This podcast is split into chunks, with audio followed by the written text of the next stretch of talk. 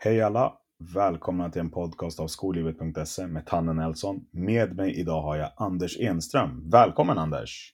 Ja, tack så mycket. Tack! Vilken ära att Ja. få med i din podd.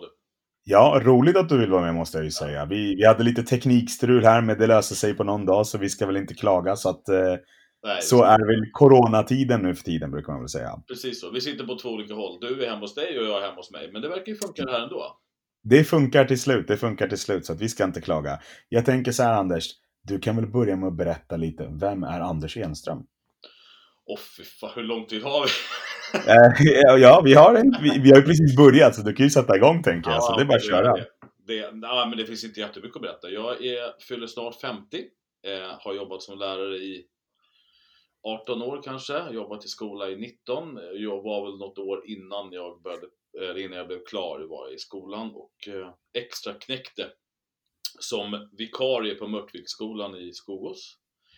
Ehm, jag eh, har två egna barn, Max och Simon, som bor Max bor i Aspudden och Simon bor i USA, i New York. Och sen har jag två bonusbarn, Rasmus och Emily, som bor i Stockholmsområdet. Och så har jag min fru Sussi eh, och vi bor i Gröndal. Och det är väl i korta drag jag. Eh, och sen är jag ju såklart i min yrkesroll så är jag ju första lärare i IKT på Skaparskolan i Huddinge. Inte Huddinge kommun, för det är en friskola, så jag säger Huddinge istället. Ja, det är bra. Det är bra. Tydligt och ärligt. Så Mm. det gillar vi. Vi kan ju börja med att varför valde du att bli lärare av alla yrken som ändå finns på, eh, fanns på den tiden när du valde yrken? Varför blev det lärare? Ja, det där är ju cool. Det där är en det där är bra fråga, Tanne. Det är så här. Här då har jag faktiskt, jag har dessutom ett ganska bra svar på den frågan. Ja, få höra då. Ja, så här var det. Att jag, ehm, när jag gick i gymnasiet så gick jag bygg och anläggning och jag vantrivdes som satan med det. Sen jobbade jag några år hos min farsa. Och sen så kände jag bara, det här kan jag bara inte göra. Jag kan inte springa omkring här och vara fastighetsskötare. All heder till dem som är det, men det var inte för mig. Liksom. Eh, så all heder till dem som är det, det är inget fel på yrket. Och då, då eh, började jag plugga, plugga på komvux, jag började såklart plugga upp mina betyg. Då gjorde jag det. Och sen så gick jag en ettårig utbildning, efter komvux gick jag en ettårig utbildning där man fick grunderna till att söka till Journalisthögskolan. Så då gick jag där. Eh, och sen så skulle jag söka till Journalisthögskolan. Då var det så förbannat dåligt med jobb som... Eh, alltså det fanns inga jobb om man ville bli journalist. Det var liksom... Det var tight med jobb. Då sa min morsa så här, men vet du vad, lärare skulle passa dig. Då tänkte jag så här, ja vad fan, ja det kan jag väl göra. Ja, jag hoppar på. Så sökte jag och kom in.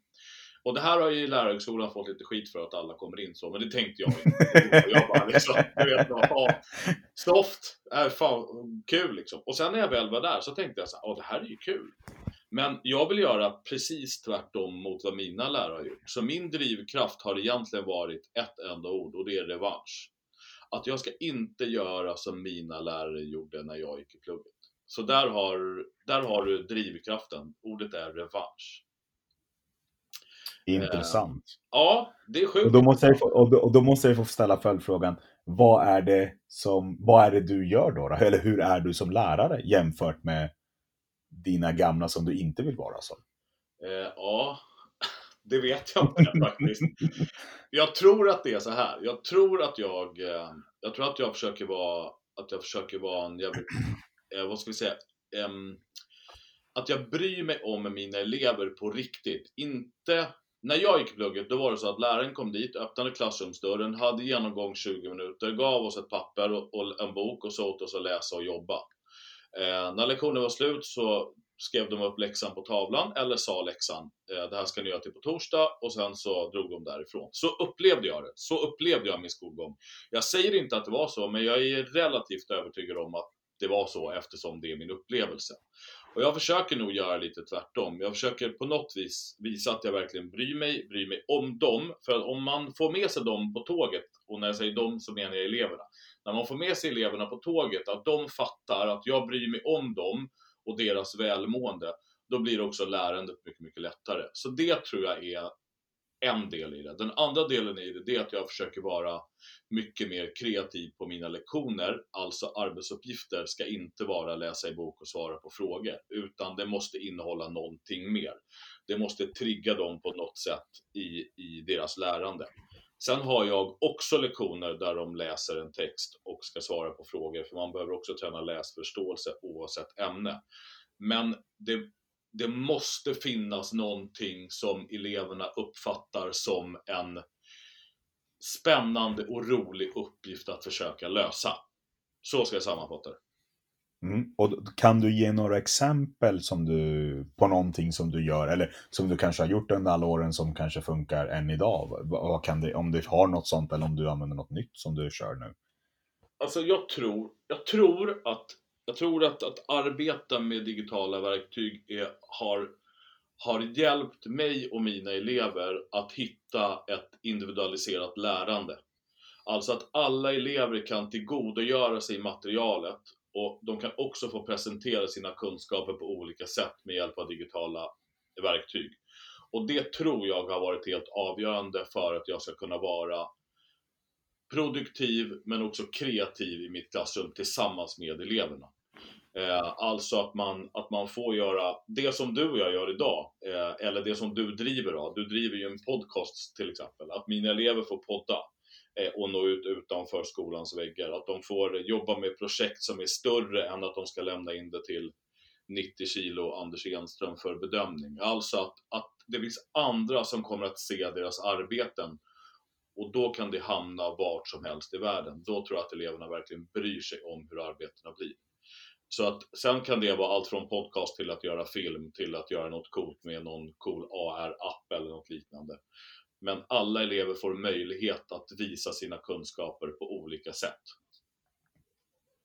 Mm, eh, svar, vad, fan, har jag ens svarat på frågan? Det är tvivelaktigt. Ja, jag, jag, jag, skulle säga att du har det. Du skulle, jag skulle säga att du har det faktiskt. Att, ja, det, det, måste jag säga att du har. Det måste jag säga att du har. Men jag tänker, du, du pratade lite om, du nämnde det själv lite. Du är ju första lärare för IKT och digitalisering på Skapa-skolan. Kan du berätta lite mer om just den rollen? Hur, vad innebär det att vara första lärare för IKT och digitalisering?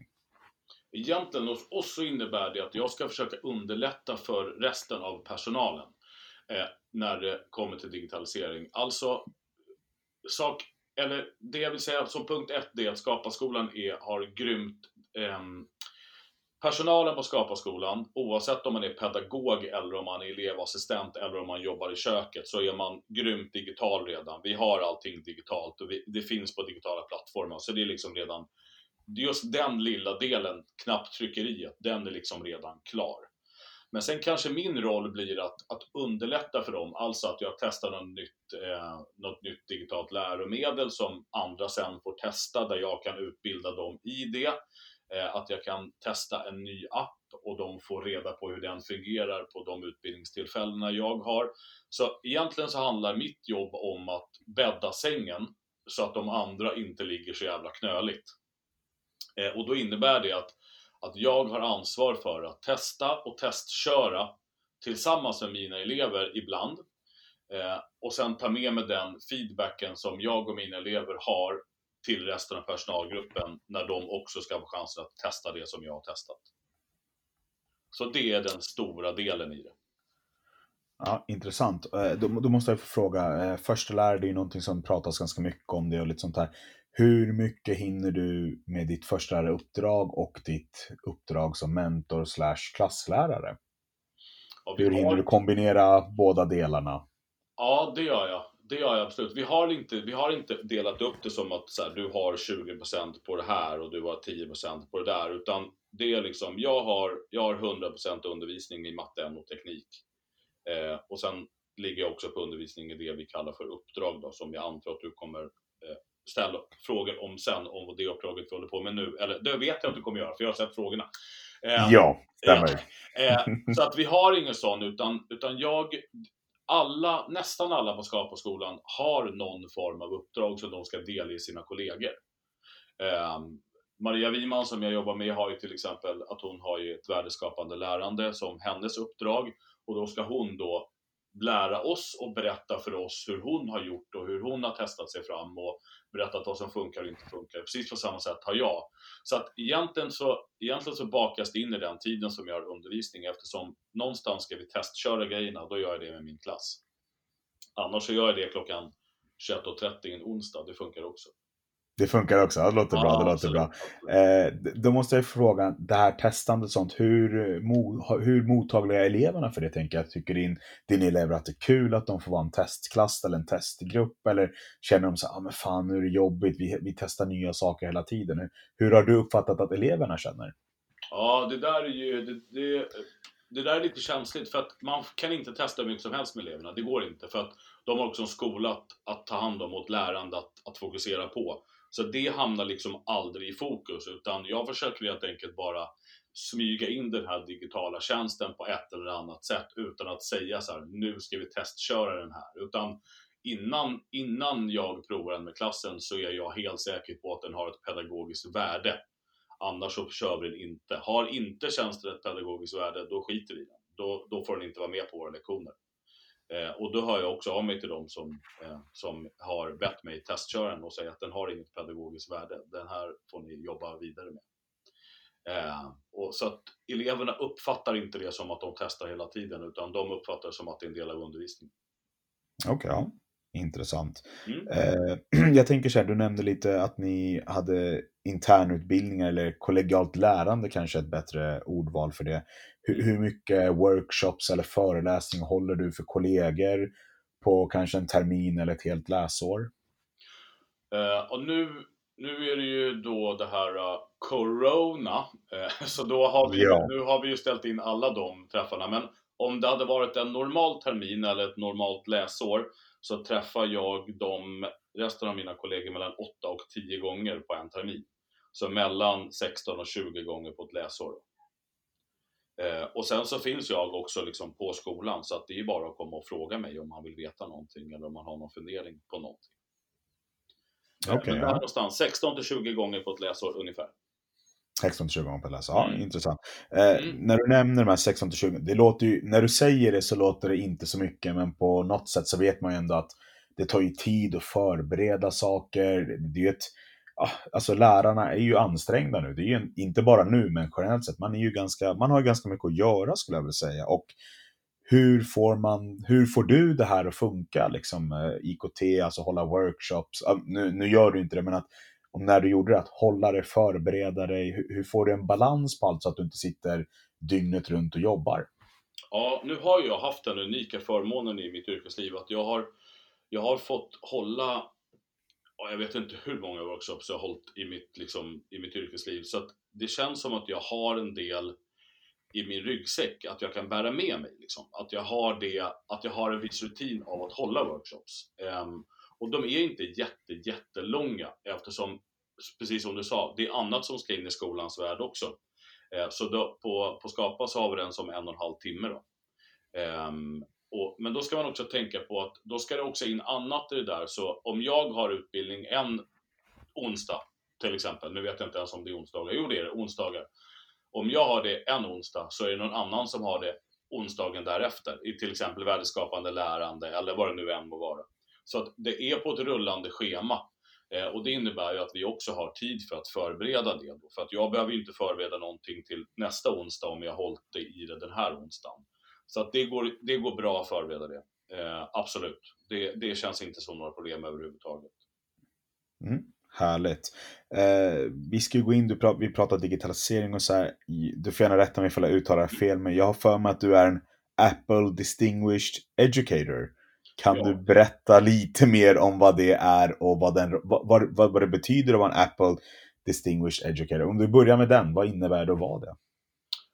Det innebär att att man har, att man har tillgång till ett fantastiskt nätverk av andra distinguished educators runt om i världen som man kan hämta inspiration ifrån. Vi har, du vet, ja men du vet, man har egna Facebookgrupper, men vi har också ett, ett helt eget digitalt forum där vi kan utbyta idéer, där vi kan utbyta tankar, där man kan fråga om arbetsmaterial, där man till exempel kan fråga om en workshop i den och den appen eller den och den sidan så är det alltid någon som har en färdig keynote som man kan som man får då av den här personen. Alltså det är väldigt mycket sharing is caring. Eh, och det har varit det, absolut den största vinsten med det. Det är, att få, det är att få tillgång till alla de här grymma pedagogerna runt om i världen i helt, i helt skilda skolsystem Men alla vi bär på samma dröm och vi när samma längtan efter att liksom hjälpa våra elever att få och utveckla framtidens förmågor. Eh, och att då ha en sån fantastiskt nätverk att falla tillbaka på, det är en otrolig trygghet. Så det är den, det är den största vinsten, det är nätverket. Okej, okay, eh, då måste jag få fråga, är det bara du som har den här rollen eller titeln i Sverige eller vet du om det finns fler som är Apple Distinguished Educators även i Sverige? Mm, det finns flera. Det är, det är 20 stycken sammanlagt i Sverige. Men man, man, eh, så länge man jobbar i skolan så får man kalla sig en Apple Distinguished Educator. Och jag var ju ett tag på Lean Education och jobbade, då, då försvinner min titel. Då får jag inte behålla den. Liksom. Um, så på Lean jobbar till exempel två stycken som också är Apple Distinguished Educators, men de räknas inte som det officiellt nu eftersom de inte jobbar i skola.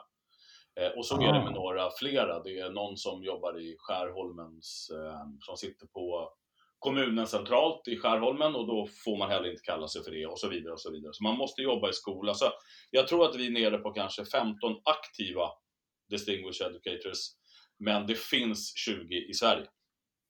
Okej, okay, intressant. Och då, då kommer ju en följdfråga som jag känner ganska mm. relevant. Hur blev du en Apple Distinguished Educator då? Hur, gick, hur funkade det? Blev du själv kontaktad eller kontaktade du dem? Alltså, dra gärna hela grunden på det här, hur, hur man blir det liksom, så att man får mm. en inblick. Antagningen till att bli det, det är varannat år.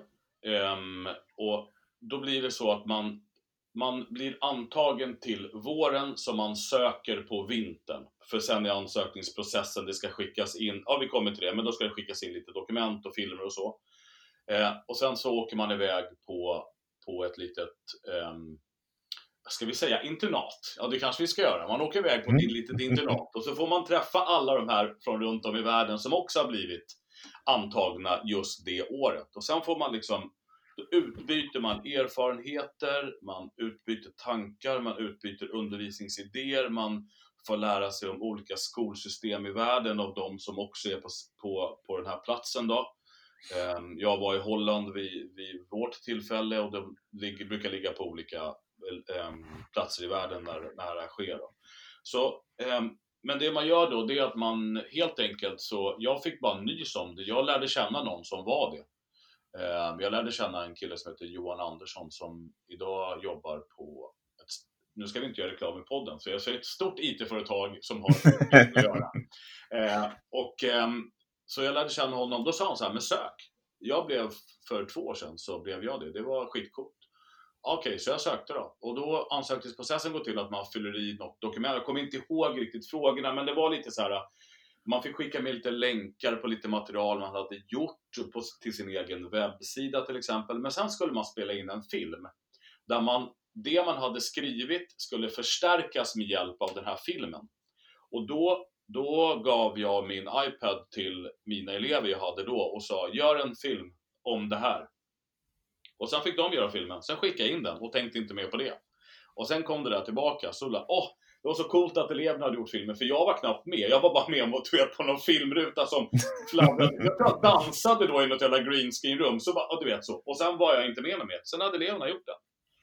Um, och så skickade jag in den då. Så, um, och då fick väl de, för att eh, i det här nätverket så poängteras det väldigt hårt att okej okay, att du Anders är, är väldigt kreativ, men hur avspeglas det på dina elever då?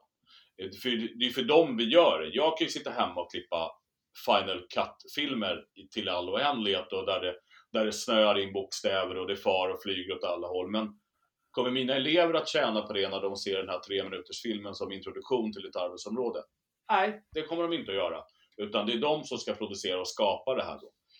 Um, och på den vägen är det att det, det är det det handlar om i det här nätverket. Att se till att skapa och bygga uppgifter, lektioner, temaområden eller projekt som gör att eleverna får träna sin kreativa förmåga och sin, sin förmåga att tänka kritiskt och analysera och dra slutsatser på ett annat sätt än vad man har gjort tidigare i svensk skola. Eh, eller i, i vilken skola som helst i världen för den delen. Jag tror att många ser väldigt lika ut med raka bänkrader och, och läraren är som en präst och ja men du vet så. Och det ville man på något vis eh, komma ifrån Eh, och genom att bevisa att eleverna också är kreativa varelser som absolut kan ta ansvar för sin, för sin skolgång och för sitt lärande. Så det är det egentligen hela nätverket bygger på. Okej, okay, ja, intressant. Det är inte... Ja, jag såg det när jag, när jag kollade upp det lite bak. Då såg man The App of Distinguished Educator. Man tänkte så här, det måste jag ju lyfta upp på podden och se ja. vad är det för någonting. Ja. Så att, eh, ja, coolt. Eh, ja, men jag tänker nu när det har varit corona så har ni kunnat haft någon sorts möte då eller har ni haft digitala möten eller hur har det funkat med tanke på pandemin nu? Ja, jag jobbade inte på Skaparskolan i våras, men då har jag förstått att det var liksom, precis som det var på många andra skolor, ganska många elever hemma och sådär. Och, och, då blev det väl också möten inställda. Men sen i augusti-september så var det ju, om vi nu ska uttrycka det, relativt lugnt med den här coronasituationen då. Det har väl blossat upp de sista veckorna här nu igen då. Um, så att, men då i augusti-september, då hade vi möten precis som vanligt egentligen. Och, och sen sista tiden nu kör vi allting digitalt. Så man, eh, man sköter om sin egen tid och, och, och sen har man möten med dem som man eh, tycker att man bör ha möte med, liksom, helt enkelt. Eh, och när det gäller att ha det i AD-gruppen så har vi jättemånga fina kanaler som Facebook eller Twitter eller och så våran, våran egna sajt då, som vi kan logga in på. Så det är väl de kanalerna som vi har. Ja, intressant. Eh, kan du ge något exempel eller berätta lite om någonting som du har fått inspiration av via den här rollen som du har tagit och jobbat med dina elever? Eller en av dina klasser? Ja, alltså massor. Det, grejen är att man hämtar ju så här, man hämtar så här smådelar från, från många egentligen. Sen gör man det till sitt eget, precis som man egentligen gör med vilket undervisningsmaterial som helst. Att man, man hämtar någon del därifrån, någon del därifrån och någon del härifrån och sen så försöker man på något vis liksom knö ihop det och göra det till sitt eget material. Liksom. Så det är inte så att man, man får ju såklart en, liksom ett helt material av folk, men sen så gäller det att man gör om det lite så att det passar en själv och framförallt att det passar ens klass. Eh, men, men just två saker som har varit, så här, som har varit centrala i min, i min lärarroll, det har varit att, att vi var jag var ganska tidig att jobba med mina elever med green screen i klassrummet, alltså att skapa filmer med hjälp av green screen-skärm. För det hade vi på den skolan jag jobbade på då. Det var också en Huddingeskola förresten, Östra grundskolan i Skogås. Så det var vi väldigt tidiga med och då gjorde vi väldigt coola filmer. Ja, tre saker vill jag lyfta förresten. Det var ett, greenscreen som jag fick idéer av från någon som var det. Den andra var att släppa podcast, att jag fattade inte hur jävla enkelt det egentligen var att släppa en podcast, eller göra en podcast med eleverna och släppa den om man har en iPad. Det var otroligt liksom. Det var bara några få steg och sen var den liksom och det är ännu enklare idag än det var då. Då gjorde jag min första 2015 eller 2016 med eleverna. Och det är ännu enklare idag. Och den tredje saken är väl det som är, som är populärt, eller populärt nu, men som jag tror kommer att ha otroligt stor genomslagskraft på svensk skola. Det är allt som har med AR och VR att göra. Och vi kör mycket AR just nu, eller mycket, men vi försöker arbeta in det. Att använda oss av av AR-appar som förstärker lärandet. Att man till exempel kan lägga ut en cell så att det ser ut som att den här cellen ligger på golvet i klassrummet. Eller en DNA-molekyl som svävar omkring ovanför ett bord och så här. Det tror jag är det tror jag stenhårt på som undervisningsmaterial och det, eh, det har vi, eh, de tre sakerna är de som jag verkligen kan pinpointa som viktiga i, liksom, i min lärargärning. Och sen den jag kom på en sak. Får jag ta en sak till Fanny? Absolut, kör på, kör på. Grymt. Vi byggde hologram med, med eh, iPad och gammalt OH-papper, alltså overhead-papper, så byggde vi hologram. Och det blev otroligt populärt. Så det var jag ju runt och föreläste om. I praktik, är inte hela världen, men i många länder som ville se det här. Och att det är en så enkel grej att göra med en film och OH-papper som du bygger en projektor av. Och sen kan du skapa alltså, jag visste inte ens jag visste inte ens att overheadpapper fanns kvar. Jag, tyckte det, jag trodde det var ute. Men absolut, du verkar ju kunna använda det på något positivt sätt i alla fall. Så att, det var eh... roligt. På Östra när jag gjorde det här, då fick jag gå ner i källaren och hämta overheadpappret. För det, var ja. liksom, det hade hamnat längre och längre bort från klassrummet. Liksom. Så att ja, det går att använda det fortfarande. Det var skit. Ja. Ja, det förstår jag. Det, ja. jag, jag, är, jag är inte förvånad över appen, jag är mer förvånad över overheadpapper, att det fortfarande fanns kvar på skolan. Eh, ja, jag kommer ihåg när overheadmaskinerna där lärarna skulle liksom visa och sånt här, det, de suddade och det vart fel och de fick ta om och de skrev så här lite. Man, det var ju, jag tyckte det var huvudvärk när jag var elev, det var ju det värsta jag visste. Och de skrev på fel håll och så syntes texten upp och ner. Där var, oh, nej, det var bara katastrof. Ja, ja, jag kan inte säga att jag var något superstort eh, fan av det hela om man säger så. Då, så att, Eh, men eh, kul att det går att använda till något positivt i alla fall. Eh, Exakt. Så att, så att så är det. Men jag tänker, vi ska gå vidare till ett eh, projekt som ni håller på med, i, eller som du är ansvarig för om jag har förstått det rätt. Eh, dina elever jobbar då med ett projekt som kallas för Jeans for Africa. Kan du berätta lite mer om det? Mm, det, är, oh, det är ett jätteprojekt. Um, som är jättecoolt. Det är jag, eh, det är Maria Wiman, det är John Bang och det är Angelica Löfberg som gör det på Skaparskolan. Det är vi som är mentorer för årskurs 8. Eh, så vi har egentligen involverat alla ämnen, så gott som alla ämnen. Det kanske är något som släpar utanför. Men grundidén är så här. Ehm, vad tyckte eleverna var, var orättvist i världen? Så, så började vi med att lista det.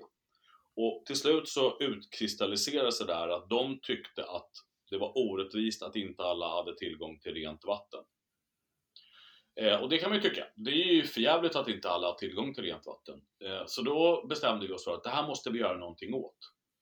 Eh, och då var det någon elev som, som kläckte idén att, vet du vad vi gör? Vi, eh, vi säljer begagnade jeans. För den eleven hade sett någon dokumentär om hur mycket vatten det går åt att skapa ett par jeans.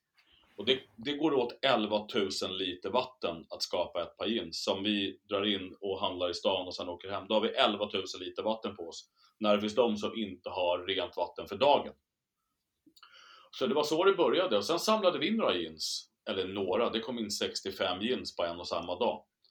Um, och då var eleverna, då var ju de helt enkelt tvungna att, att liksom fortsätta det här arbetet. Så de skapade en webbsida, de skapade ett Instagramkonto och en facebooksida där de säljer de här jeansen.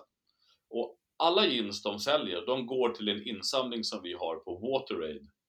Um, ehm, och de, varje brunn kostar 4000 kronor att köpa. Och nu har vi samlat ihop pengar till den första brunnen. Vi har 4650 kronor tror jag att det var. Eh, så den brunnen kommer, vi kommer skänka de här pengarna till WaterAid och de kommer borra den här brunnen i Kenya. Eh, I en by i Kenya.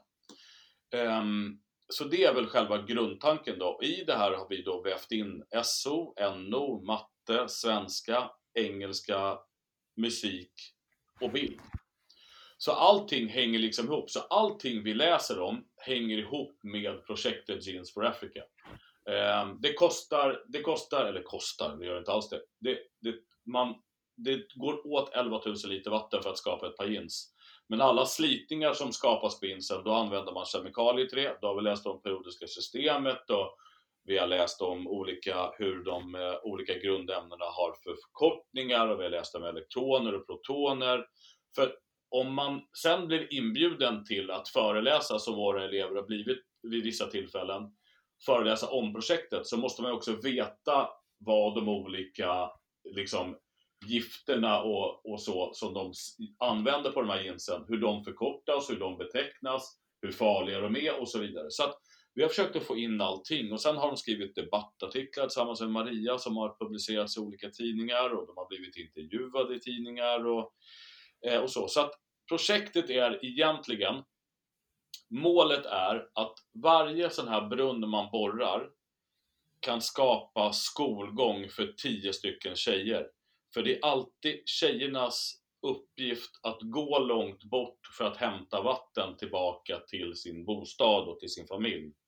Men om vi lyckas borra en brunn på det stället där de bor, då kan de istället gå till skolan istället för att behöva gå och hämta vatten.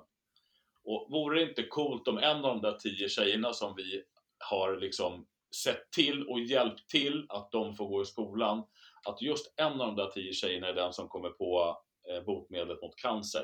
Till exempel. Det hade väl varit häftigt va? Ja, det hade ju varit eh, coolt. Det hade ju varit otroligt häftigt. Och i det här då så, så blir det liksom det blir följdeffekt på följdeffekt för att många vill då komma på att det här är ett fint projekt. Här vill vi också vara med och bidra. Här vill vi också vara med och jobba. Så, så nu har vi ett samarbete tillsammans med Sveriges just nu mest kände konstnär som heter Jakob Fällender och eh, är fotokonstnär. Han är, alla känner till Eva Röse och det är, de två är ett par. Så nu har vi liksom satt kontexten till det här. Eh, och han då har eh, släppt en, nej han har inte släppt en app utan han har en app eh, som heter The Great Escape. Eh, som är en fotoapp som vi använder i det här projektet. Eh, och nu ska jag lämna en cliffhanger för om några veckor så kommer det att släppas vad vi har använt hans app till i det här projektet för att kunna köpa brunnar i Kenya. Var det en, var det en cliffhanger? Så då, då får man liksom hänga med på den här resan och det gör man på jeansforafrica.com. Eh, det var väl en schysst cliffhanger, var det inte det? Tanne? Det var schysst. Det måste jag säga att jag tycker att det är. Så att, eh, ja. Det är intressant. Eh, jag måste ju grotta in mig, du berättade jättefint. Jag tänker så här, det här är ett stort arbete, ett stort projekt som eh, många är involverade i. Eleverna, även i tre, fyra kollegor tillsammans. Hur ser fördelningen ut mellan er kollegor? Hur, hur jobbar ni? Vilka delar har ni då? då? Eh, det som vi har, det, egentligen är det ämnesuppdelat. Så John har musik och engelska, det är han helt ansvarig för. Maria är ansvarig för svenska SO. Jag är ansvarig för matte, NO, teknik. Eh, det är själva uppdelningen. Men sen har vi också lektioner som heter eh, uppdragslektioner. Och då är det oftast, eh, det är antingen jag och Maria på lektionerna, eller så är det Maria och John på lektionerna. Eh, för då kanske jag har matte separat utanför det här i, i, i en annan lite mindre grupp. Då. Men då är man alltid två lärare på klassen och, och de lektionerna, då planerar vi det eh, vecka för vecka eller två veckors perioder, men oftast vecka för vecka. Så vi träffas varje fredag eftermiddag och sen pratar vi om så här, okej okay, eh, Anders, vad hade du tänkt göra nästa vecka? Och sen berättar jag det. Och då kanske Maria säger, ah men titta då kan jag hänga på med det här, precis det jag hade tänkt att göra.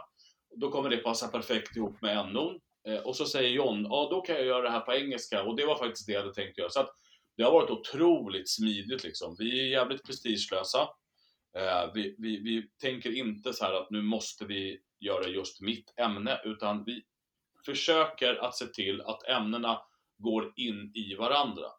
För att skolan är faktiskt den enda, den enda institutionen i världen där man går från ämne till ämne. När man sen blir någorlunda vuxen som, som du och jag är då Tanne, då, då går ju inte du runt och tänker när du går och handlar på ICA att så, nu har jag SO här, nu, nu läser jag eh, ekonomi här för nu ska jag ju strax betala. Och jag går inte runt och tänker att titta här inne finns det massor med grundämnen i de här matvarorna, utan allting vävs ihop till en helhet. Och då är min fråga, varför har man inte gjort det här tidigare i svensk skola? Varför är det att man har 40 minuter matte, 40 minuter engelska, 60 minuter svenska och 30 minuter slöjd och så vidare. Eh, så nu har vi försökt göra det till en helhet. Eh, för att det tror vi eleverna kommer att tjäna på.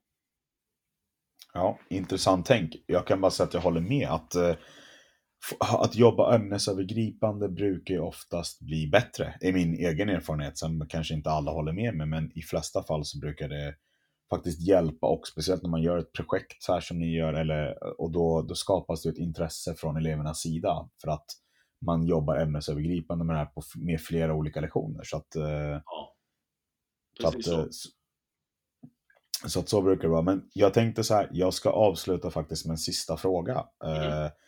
Hur många brunnar hoppas ni få byggda då? Det vore ju drömmen om vi åtminstone kunde få tre. Det, det är liksom, det, det vore fantastiskt. Det är, ändå, det är ändå 12 000 kronor vi har samlat in då. Det vore ju, det vore grymt. Och då har vi förhoppningsvis hjälpt då i runda slängar 30 stycken unga tjejer att, att få gå till skolan istället för att gå och hämta vatten. Det vore ju, det vore magiskt. Det vore magiskt. Men eh, hur, får jag fråga, ja, det, nu blir väl det här sista frågan då. Nej, sorry. Eh, hur, hur, länge har ni tänkt att köra det här projektet? Har ni en tidsplan på det här, att ni kör fram till årsskiftet? Eller tänker ni att vi kör tills vi förhoppningsvis får ihop till tre brunnar? Hur, hur går ert tankesätt där? Nej, tankesättet är att projektet kommer pågå och leva så länge som, som eleverna känner ett driv kring det. Och det är ju vårt ansvar också att skapa det drivet. Men det kommer att pågå så länge som det är möjligt helt enkelt. Eh, sen vet inte vi vad det är, men vi kommer påbörja andra projekt också. Så det här projektet kommer att kanske ligga i bakgrunden från januari, februari medan vi driver ett annat projekt under vårterminen. Men det här kommer liksom alltid att gå med oss, åtminstone tills de går ut årskurs 8 ska jag tippa på.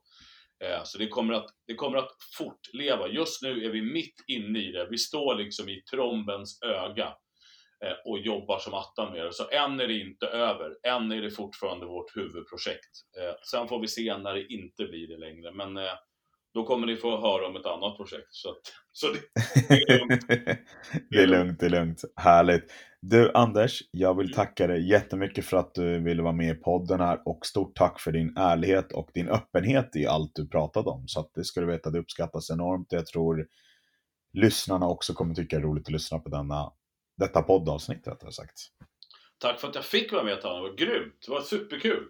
Ja. Kul att få berätta om projektet, det var roligt. Ja, härligt. Men Anders, stort tack. Ta hand om dig och fortsätt jobba på, på med ert fina projekt här. Då. Detsamma Tanne, sköt om dig och var rädd om dig. Ja, detsamma.